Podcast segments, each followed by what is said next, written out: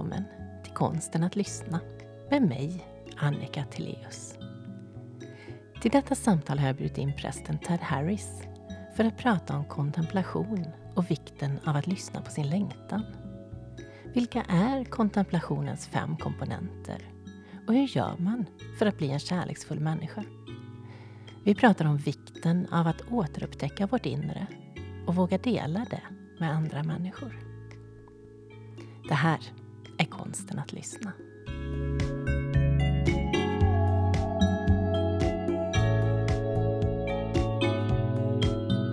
Innan vi börjar så har jag en ritual. Jag har en poddbön och den går så här. Jag bjuder in den klokaste delen av mig till detta samtal. Låt mig vara öppen, äkta och närvarande. Låt samtalet vara varmt, utforskande och fullt av tillit. Låt oss ta fram det bästa i varandra och välkomna det som sker.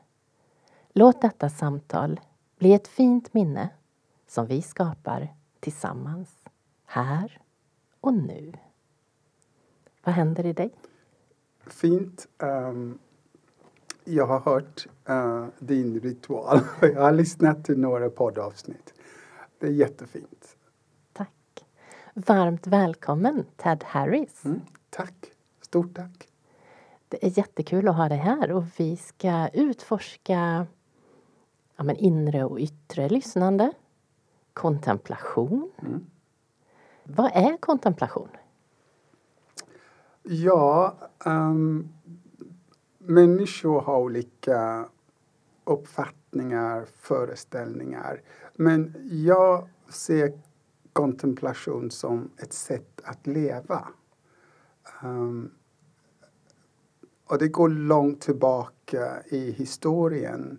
Jag tror att om du tittar på de gamla uh, poeterna Homerus eller de gamla filosoferna Platon och Aristoteles så talade de om kontemplation.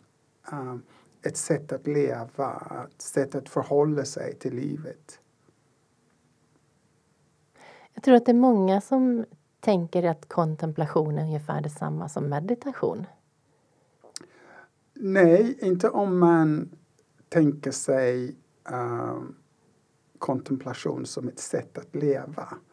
Um, och världen, skulle man kunna säga, är uppdelad i olika så, så att säga, civilisationsmönster. Om man tänker sig till exempel i Kina så talar man om daoismen och, och där praktiserar man någonting som heter wowi. Uh, liksom ett sätt att förhålla sig till livets uh, grund.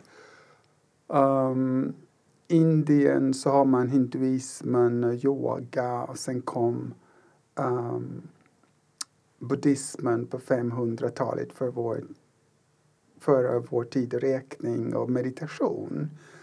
Så det finns olika sätt att förhålla sig till livets så att säga grund.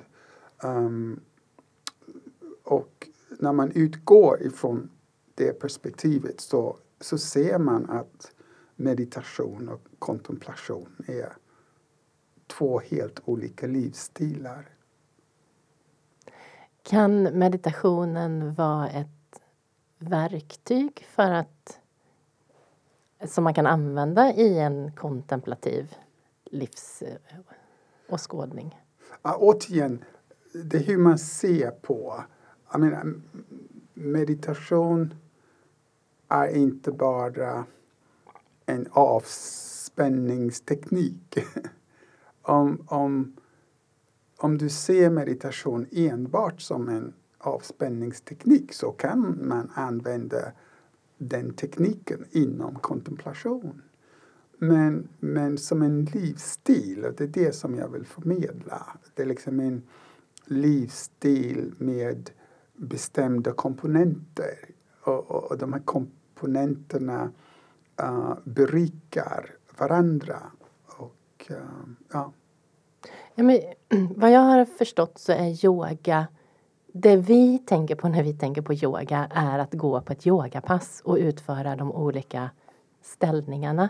Men att yogan är så mycket mer, att det ja. verkligen är ett förhållningssätt till livet ja. Ja. där den formen som vi ser, ett yogapass, är bara en liten del av själva det yogiska tänkandet. Ja, alltså som en avspänningsteknik. men, men går du till de indiska yogis, liksom, om, om jag förstår, jag kan inte särskilt mycket om hinduismen, men det som jag har lärt mig det är att man talar om människans innersta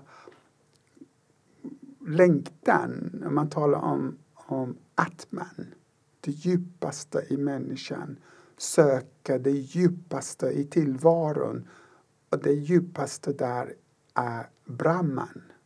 Så hur ska människans djupaste del, atman, komma i kontakt med tillvarons yttersta del, Brahman. Och vägen dit är via yoga. Så har jag förstått det. Och det är mer, mycket, mycket mer än bara en avspänningsteknik. Mm. Du har ju tagit fram fem steg för kontemplation. Mm. Vill du berätta? Ja, um, jag tänker mig, alltså inom den västerländska civilisationen så talar man då om hur kan människans innersta del, låt oss säga själen, hur kan själen komma i förbindelse med tillvarons innersta del? Och då talar man om kontemplation. Och jag, när jag har läst Platon, Aristoteles och Plotinus och sen kyrkofäderna och modern uh, teologi så kan jag se vissa återkommande så att säga komponenter. Ett slags mönster upprepar sig hela tiden. Och jag har identifierat då fem drag i det kontemplativa. Och det första draget kallar jag för längtan. Um, vi, alla levande varelser längtar efter näring. Uh, um, en organism överlever genom att ta in näring utifrån. Så, så man längtar efter näring för att kunna um, upprätthålla sitt liv. Och eftersom vi människor, från mitt perspektiv, är mer än bara en, uh, en biologisk organism som behöver näring. Vi är också själsliga, så vi behöver själslig näring. Så vi längtar. Vi längtar efter näring fysisk näring men också existentiell andlig näring. Så det är den längtan, liksom dragning till en källa där jag kan få energi för att kunna um, fortsätta mitt levande. Så det är det första steget, längtan. Och det andra steget kallar jag för förenkling. Um, vi, vi människor um, kan uppleva uh, negativa känslor, negativa tankar och till och med negativa önskningar som på något sätt blockerar vårt välbefinnande. Då är frågan hur kan vi släppa? Hur kan vi avstå från allt som blockerar en, en positiv känsla? Och, och strävan att ta bort de negativa komponenterna kallar jag för förenkling. Um, där man um, renar sig och öppnar upp sig för um, det goda som finns i tillvaron. Så när man har tagit bort allt bråte, vad är det som är kvar?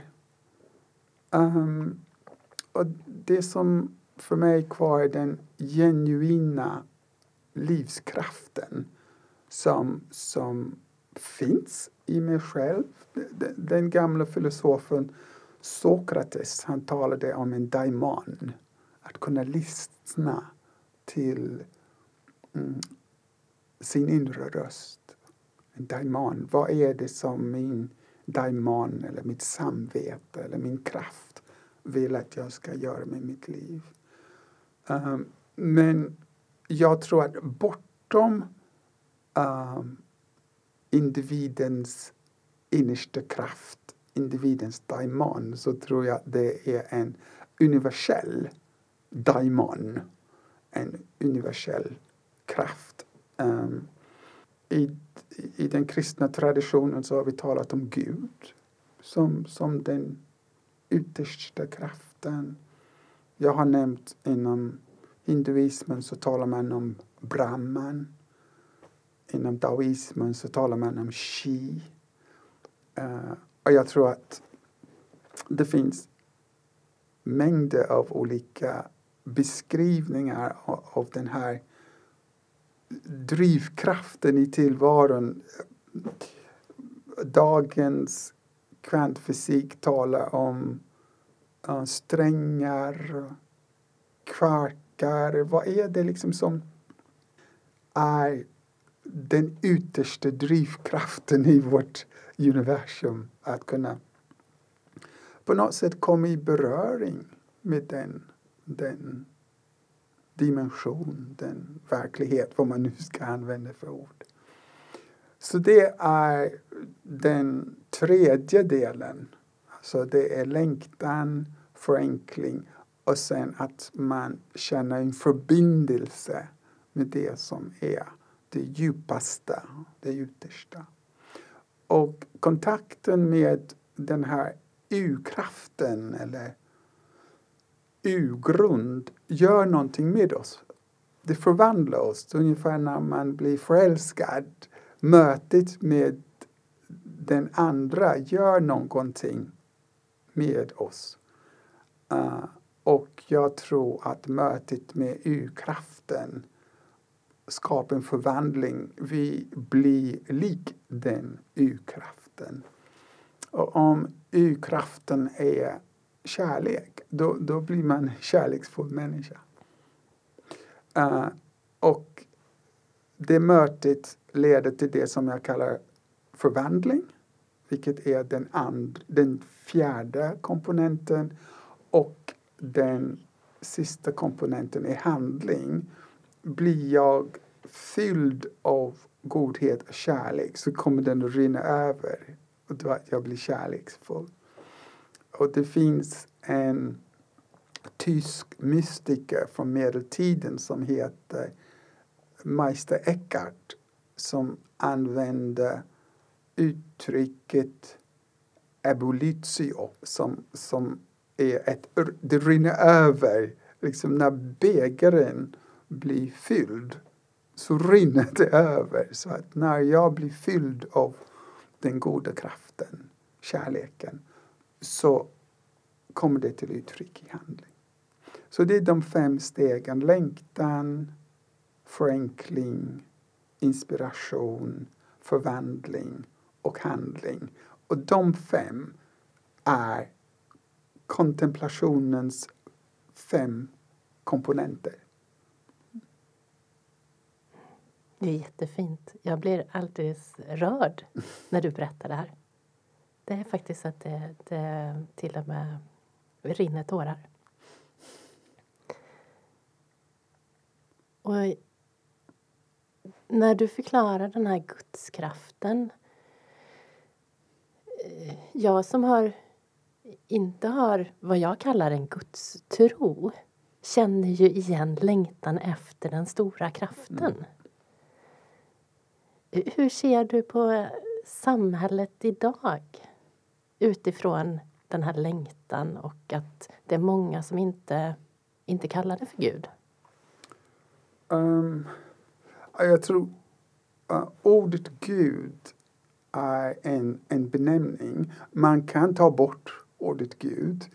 Um, men det som vi inte kan ta bort det är faktum att det finns en verklighet.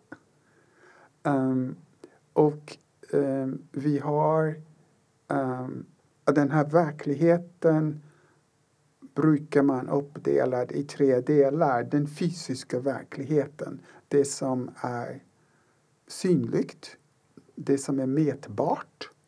Alltså den har en viss form, en viss storlek. Um, um, men den mänskliga existensen är inte bara kroppslig. Den, det finns också en inre dimension. Uh, vårt medvetande, din, din känsla, du nämnde nu att du blev berörd. Det är en känsla, det är inte mätbart, men den finns. Det finns hos dig. Uh, så det är en inre dimension som man kan lära känna. Uh, och ofta i vår tid så har vi vi har fokuserat nu på det yttre. Och, och, och, jag tror att det är dags att börja rikta blicken inåt. Vad är det som pågår i, i det inre, i medvetandet och i medvetandets olika nivåer? Um, man kan ha en, en grundkänsla av till exempel smärta eller glädje. Men sen tror jag att det finns en högre nivå um, i medvetandet, till exempel uh, en upplevelse av, av godhet. Det är inte samma sak som en smärta. Det, det är en högre nivå. Och sen kan man tänka sig uh, välvilja. Välvilja är också en, en, ett inre skeende. Och att stanna upp och alltså utforska sin välvilja. Uh, som kan komma till uttryck till exempel i, i en, en positiv... Ibland så talar man om negativ och positiv mentalisering. Uh, negativ mentalisering är att tillskriva den andra negativa egenskaper. Uh, och, och, man ser det väldigt mycket inom politik. Politiska partier liksom tar fram det sämsta hos de andra partierna. Men jag tror att vårt, vårt samhälle, vår kultur skulle må bättre om vi praktiserade mycket, mycket mer positiv mentalisering. Att, att se det positiva hos den andra. Och de är inre kvaliteter som jag tror att vi behöver odla. Uh, och tyvärr så, så ägnar vi alldeles för lite tid åt det inre livet. Mm. När du pratar om det inre livet så tänker jag att det finns olika... Dels finns det mitt eget inre liv som, och mitt eget förhållande till mitt eget inre liv. Mm. Och sen så finns det ett steg där jag delar mitt inre liv. Mm. Hur tänker du runt det? Ja, alltså vi är... Um, um, jag tror att det var Karl Marx som var... Um, han betonade väldigt mycket att vi människor är sociala varelser. Vi, vi lever in, i en grupp och vi ser det hos andra djur. liksom flockmänniskor. Uh, eh, uh, eh, och, och sen att vi har um, ett symbolspråk så att vi kan, vi kan kommunicera med varandra. Jag har en, en berättelse, så kan jag berätta för dig uh, och berätta för andra. Så det här delandet är lite grann det som är lite speciellt, unikt för oss människor. Att vi inser att vi är sociala varelser. Vi är utrustade med uh, ett symbolspråk så att vi kan kommunicera och att när vi gör det tillsammans så, så blir vi bättre, starkare, liksom mer levande.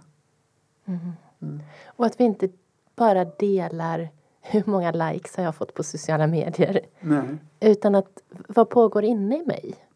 Ja. Jag föreställer mig att den här stora ensamheten som existerar i, i världen idag. Mm. Att mycket av den handlar om att vi är mycket, mycket mer i det yttre och kommenterar. Ja, men vad åt du till lunch? Mm. Eller vad gjorde du? Eller hur många likes har du fått? Mm. Eh, men vi pratar inte om det inre så mycket. Nej, nej. Och, och de, de sammanhang där det, den sociala gemenskapen har varit starkast, som kyrkan till exempel. De, de har blivit lite förfalskade. Så, så vi, vi är vilsna just nu när det gäller det sociala livet. Uh, vi behöver experimentera, vi måste hitta nya sätt. Mm. Um, men att vi är sociala varelser, att vi behöver utveckla gemenskapen, det är givet. Men, men som sagt, vi, vi just nu är lite vilsna som, som en kultur när det gäller att, att leva tillsammans. Mm. Mm. Och där tänker jag ju att lyssnandet är en viktig... Otroligt, otroligt viktigt. Ja. Både i det att lyssna på sig själv Ja. men också att verkligen lyssna Ja, på vem är du och vad är din längtan? Alltså vi, vi i, I det moderna samhället så ska allting gå väldigt fort. Otroligt fort. Det är inte liksom som häst och vagn. Det var 10, 10 kilometer i timmen. Nu är det liksom 300. Så det ska gå väldigt fort. Och den här snabbheten betyder att vi inte hinner lyssna ordentligt. Vi hinner inte processa ordentligt. Uh, men det är ett samhällsmönster som på lång sikt inte är hållbart. Det är inte hållbart. Mm.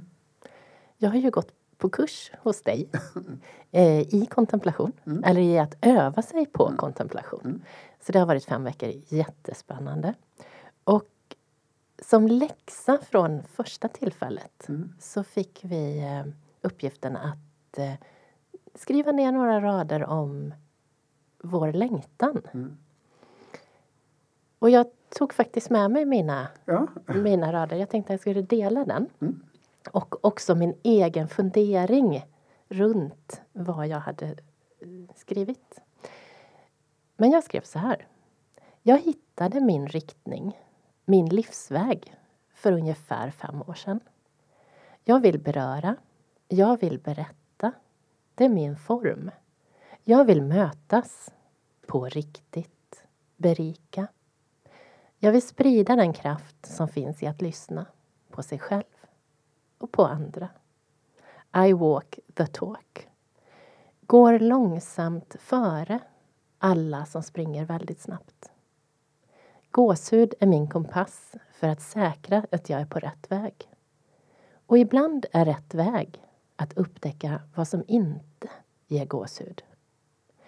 När jag startade podden ville jag ha en incheckning för att landa och mötas Och det blev min poddbön. I den ber jag till mig själv och bjuder in dig. När jag hade skrivit det här så blev min tanke så här, men kan jag dela det här? Är det på något sätt förmätet att känna att jag har hittat min längtan? Och, och det, jag tycker det var en spännande tanke att inte bara känna den här stoltheten över att längtan är väckt mm. sen tidigare. Mm. Och titta, jag har kommit hit. Mm. Utan att det plötsligt blev en så här, oj, vem ska ni tycka att jag är nu som hävdar att ja men titta, jag har kommit så här långt. det, det var en intressant eh, hur den där känslan mm. dök upp och mm. stökade till det för mig. Mm. En vän till mig skrev för många år sedan en bok som heter Självmedkänsla. Um, och, och, där hon beskriver hur vi i väst, särskilt här i Sverige, har svårt att bejaka det positiva hos oss själva. Uh, så, så det är lite grann, aha, vem är jag? V vad ska jag? Kan jag berätta att jag har kommit så långt? Liksom.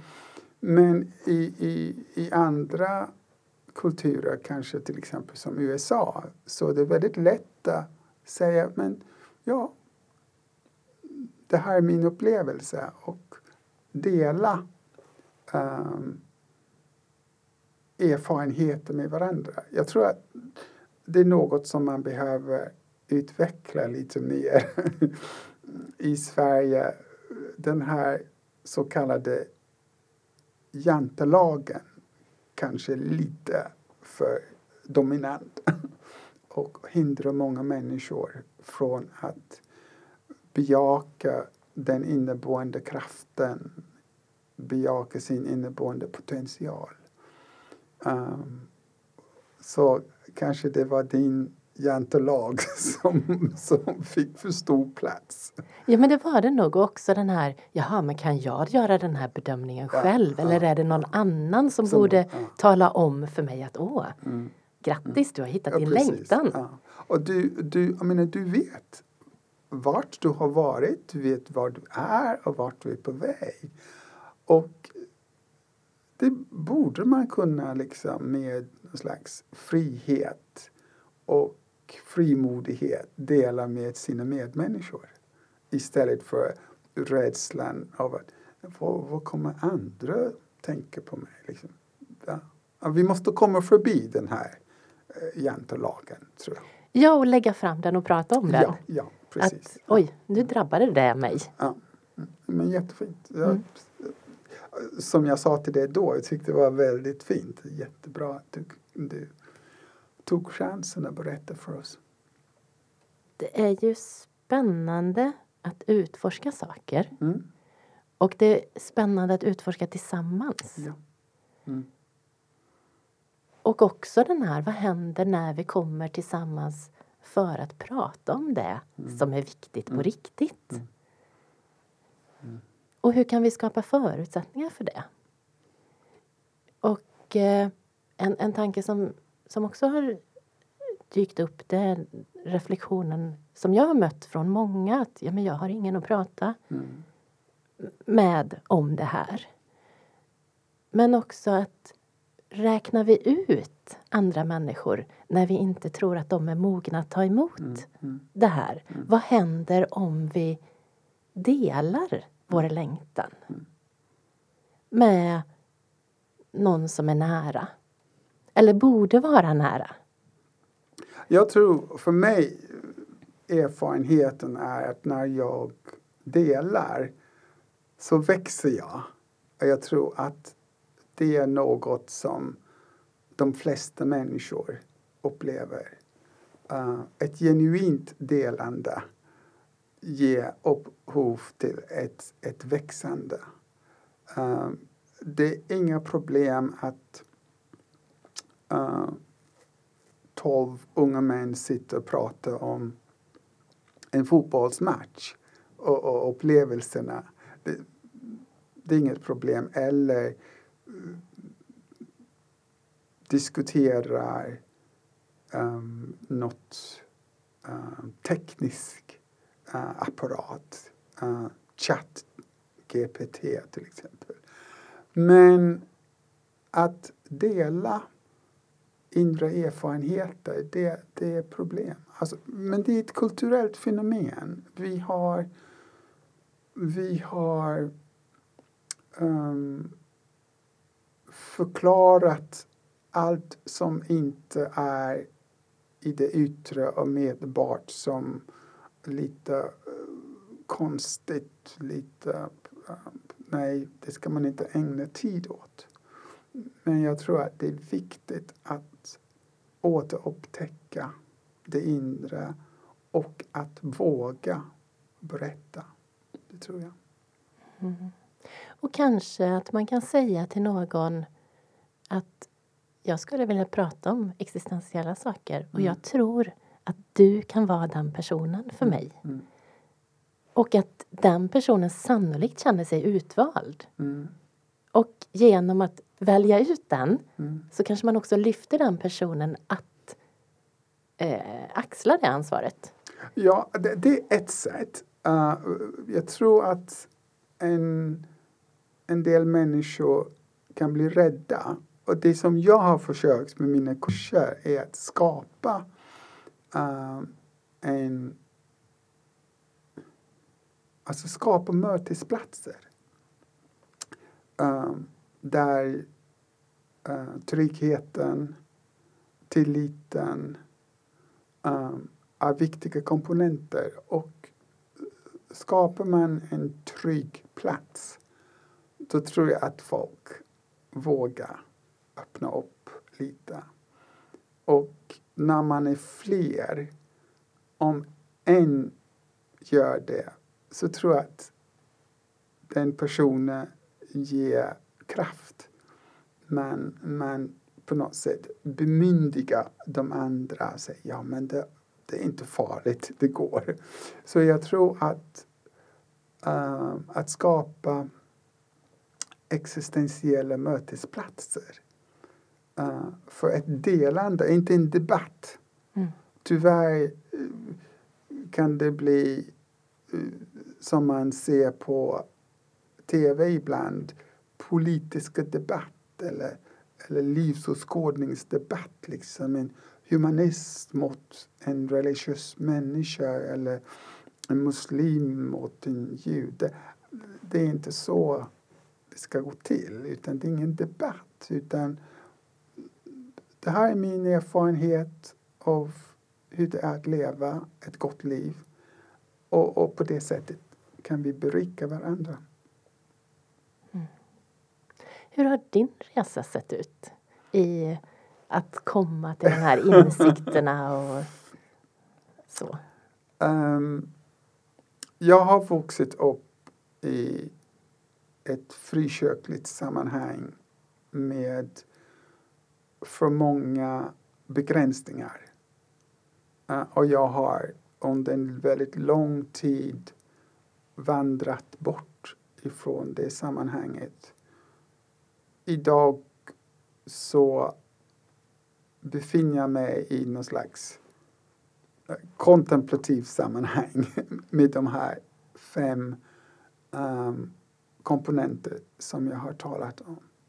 Um, att leva är som som en vetenskap. Vetenskap är en metod med att man ska göra sina observationer, man ska komma med sina teorier, man ska testa sina teorier, man ska se om de är hållbara. Och om de är hållbara så är det någonting som man kan dela med andra. Och jag tror att kontemplation är något liknande. Eh, det är en metod för hur jag kan hitta det bästa hos mig själv eh, och hitta det bästa hos andra människor. Aristoteles skrev en bok om etik och mot slutet av boken så säger han att det som är viktigt det är att hitta det bästa inom sig. Det är ett otroligt spännande uppdrag att hitta det bästa inom sig. Och, och om vi åtta miljarder människor skulle hitta det bästa inom oss så skulle vår värld se ut på ett helt annat sätt. Så jag, jag har förflyttat mig bort ifrån uh, någon form av kristen dogmatisk hållning till en mer öppen hållning där jag letar efter det bästa inom mig själv och det bästa i min omvärld. Hur har det påverkat ditt liv? Att, att växa upp i ett traditionellt kristet sammanhang det är väldigt mycket betoning på att människan är syndig, bristfällig. Eh, och har man vuxit upp i ett kyrkligt sammanhang så går man i kyrkan och så får man höra jag syndig, fattiga människa. Liksom, att komma bort ifrån det. Uh, idag så är min utgångspunkt inte en syndig, bristfällig människa utan en människa med oändliga inneboende potential. På engelska så talar man inte om original sin, but original blessing. Alltså de otroliga resurser som vi bär inom oss. Att hitta dem. Så jag ser på mig själv nu ur ett positivt perspektiv, inte ett negativt perspektiv. Så det är jätteviktigt, den, den förflyttningen från det negativa till det positiva. Och det är också en förflyttning när det gäller mina medmänniskor. Att se på mina medmänniskor, inte bristfälliga, um, hämndlystna, men, men positiva människor som vill väl. Och det är att gå tillbaka till den här negativa mentaliseringen eller den här positiva mentaliseringen. Otroligt viktigt. Mm. Uh, så det har påverkat mig. Och vad kan jag då göra för att hitta det bästa hos mig själv men också främja andra människors välbefinnande. Så det är en väldigt stark fokusering på det goda i tillvaron. Inte det dåliga, utan det goda. Hur har människorna runt dig förändrats i när du har förändrat hur du betraktar dem? Alltså att möta en människa med rädsla att den människan kommer att skada mig. Hugga mig, ryka min kniv. Liksom det är en helt olika um, grundkänsla. Ser man den andra positivt så är man mycket mer öppen, uh, man är mer uh, tillitsfull. Um, saker och ting händer, livet börjar växa. Och, och, men rädslan gör att vi stänger och gör oss själva och andra människor väldigt små. Men, men är man tillitsfull och öppen så blir det liksom en växtmöjlighet som kan leda till precis vad som helst. Mm. Jag, jag har faktiskt en historia just på det där med tillit. Jag pratade i telefon med min mamma om just det här med tillit. Om, jag tror det var Björn Natthiko Lindeblad som hade berättat en historia om när han var ute eh, och reste runt världen han berättar att de som inte var så tillitsfulla, som hade sytt in extra pengar i follen på byxorna och vad det nu var. de råkade, hans upplevelse var att de råkade ut för väldigt mycket mer. Och de behövde verkligen det här de hade mm. säkrat upp. Och så berättade jag det för min mamma som, som var så lite skeptisk att ja men man måste ju ändå ha säk säkra upp saker och ting. Och precis när jag berättar om den här historien så hittar jag en mobiltelefon på marken. Mm. Så, så jag blev så här, ja men nu, nu måste jag ta tag i det här. Jag ringer dig sedan. Och hittar mobiltelefonen, kan hitta att det finns en sån här emergency eh, telefonnummer. Ringer det, får tag i den här personen, förklarar att hon tror ju att det är hennes man som ringer, för jag ringer ju från hans telefon. Men förklarar att nej, jag står här med telefonen. Och det visar sig att de var på någon utflykt, de bodde någon helt annanstans i landet. Men hade bestämt sig för att, de hade åkt buss och de hade, skulle gå in på ICA. Och hon var så här, nej men jag, jag är ju bara ett par meter ifrån men då måste han ha tappat den på väg ut från bussen. Så vi möttes ju bara ett par minuter senare och jag kunde lämna över mm. telefonen. Eh, och sen fick jag ringa till min mamma och säga att du, det där med tillit. Tänk, här hittar jag en telefon mm. och de kunde faktiskt ha tillit. Mm. mm. Den, den kom tillbaks till dem. Mm. Mm. Det tog inte alls lång tid. Så det kändes lite dubbelt att ja, här pratar jag om någonting som är viktigt för mig. Och precis där och då dyker det upp exempel där jag faktiskt får praktisera mm, mm. att någon annan kan känna tillit. Och, och det, det, har funnits och kanske finns fortfarande forskning uh, kring länder där uh, tillit ingår som en, uh, en grundläggande komponent och, och där den inte ingår. Eh, det finns en amerikansk forskare som heter Robert Putnam som på 80-90-talet gjorde väldigt mycket forskning kring tillit. Och uh, bara i ett land som Italien så kunde man visa att i norra Italien där människor var tillitsfulla då var landet mycket mer blomstrande än i södra Italien där människor var skeptiska och inte tillitsfulla. Um. Mycket av det som vi har pratat om nu när jag eh, skrev min bok Konsten att lyssna så hittade jag på en akronym som är att vara en lyssnarvän. Mm, mm. Där V står för välvillig, Ä står för äkta och mm. N står för närvarande. Mm. Och jag tycker att det knyter ihop mm. mycket av det vi har pratat om. Mm. Att mm. vara det här välvilliga, att mm. leta efter det välvilliga även i dig. Och att man blir äkta när man hittar sin väg. Så någonstans är vägen till äktheten att hitta sin väg. Ja. Mm. Och sen närvaron, hur otroligt viktig den är jag insåg också på, på den här när jag satt och förberedde mig för det här att för mig handlar väldigt mycket om närvaron och förmågan att vara i nuet. Vägen till glädjen. Mm. Men glädjen är också vägen till att förmå att vara i nuet. Ja, ja. Så hur, då, hur tätt de satt ihop ja, för mig. Om, om man inte upplever glädjen i nuet så det är väldigt svårt att hitta den där äktheten, den, uh, den där kraften. så de går ihop. Mm. Det är olika komponenter som på något sätt berikar varandra.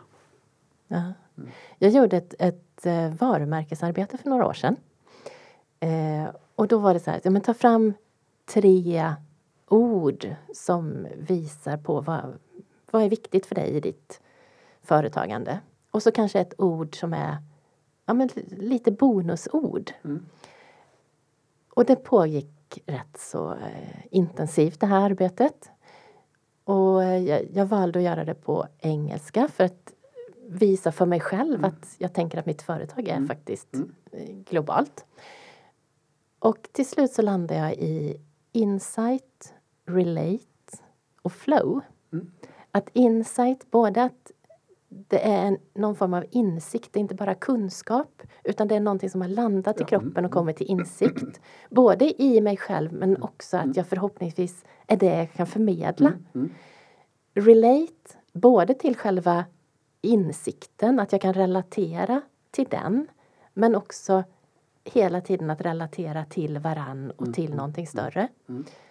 Flow, för det här flödet när man är i nuet och den ena frågan ger den andra frågan och eh, man bygger på, man skapar någonting tillsammans. Och också att, att rätt tillfälle, eller det är ju någonstans ett flow att prata om tillit och hitta en mobiltelefon och hitta ägaren. Mm. Eh, och sen så hade jag sparkle som var det här ordet som skulle vara lite på toppen. Att det ska vara lite, det gnistrar lite, det glittrar till. Det är någon form av glädje i, i det hela. Och jag var jätte, jättenöjd. Och så går det ett tag, kanske ett halvår. Och så vaknar jag plötsligt en natt så här bara, nej. Det är helt fel. Sparkle ska inte vara som lite strössel på toppen. Det är ju hela fundamentet. Det måste börja med lite sparkle. För sen kan det vara insight, relate och flow. Och det var en jättestor skillnad för mig att ändra den lilla, lilla tankesättet där. Att vem bjuder jag in till, till podden? Ja, men det måste börja med lite sparkle.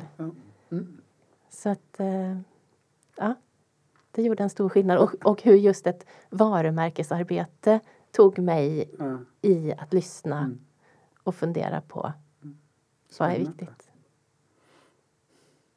Jag har ett eh, medskick till dig som lyssnar. Och eh, jag tycker att du ska fundera över vad längtar du efter? Vad längtar du efter på djupet? Jag tänker inte choklad eller högre lön utan vad är det din själ längtar efter? På ett djupare plan. Fundera också, finns det någon du kan berätta det här för? Och vem skulle du välja? För vi kan börja att dela. Vi kan börja att leta efter vår längtan och vi kan börja att dela vår längtan. Och vara nyfikna på vad som händer. Jättebra. Stort tack för att du kom hit, Ted Harris. Tack, tack. Jättefint.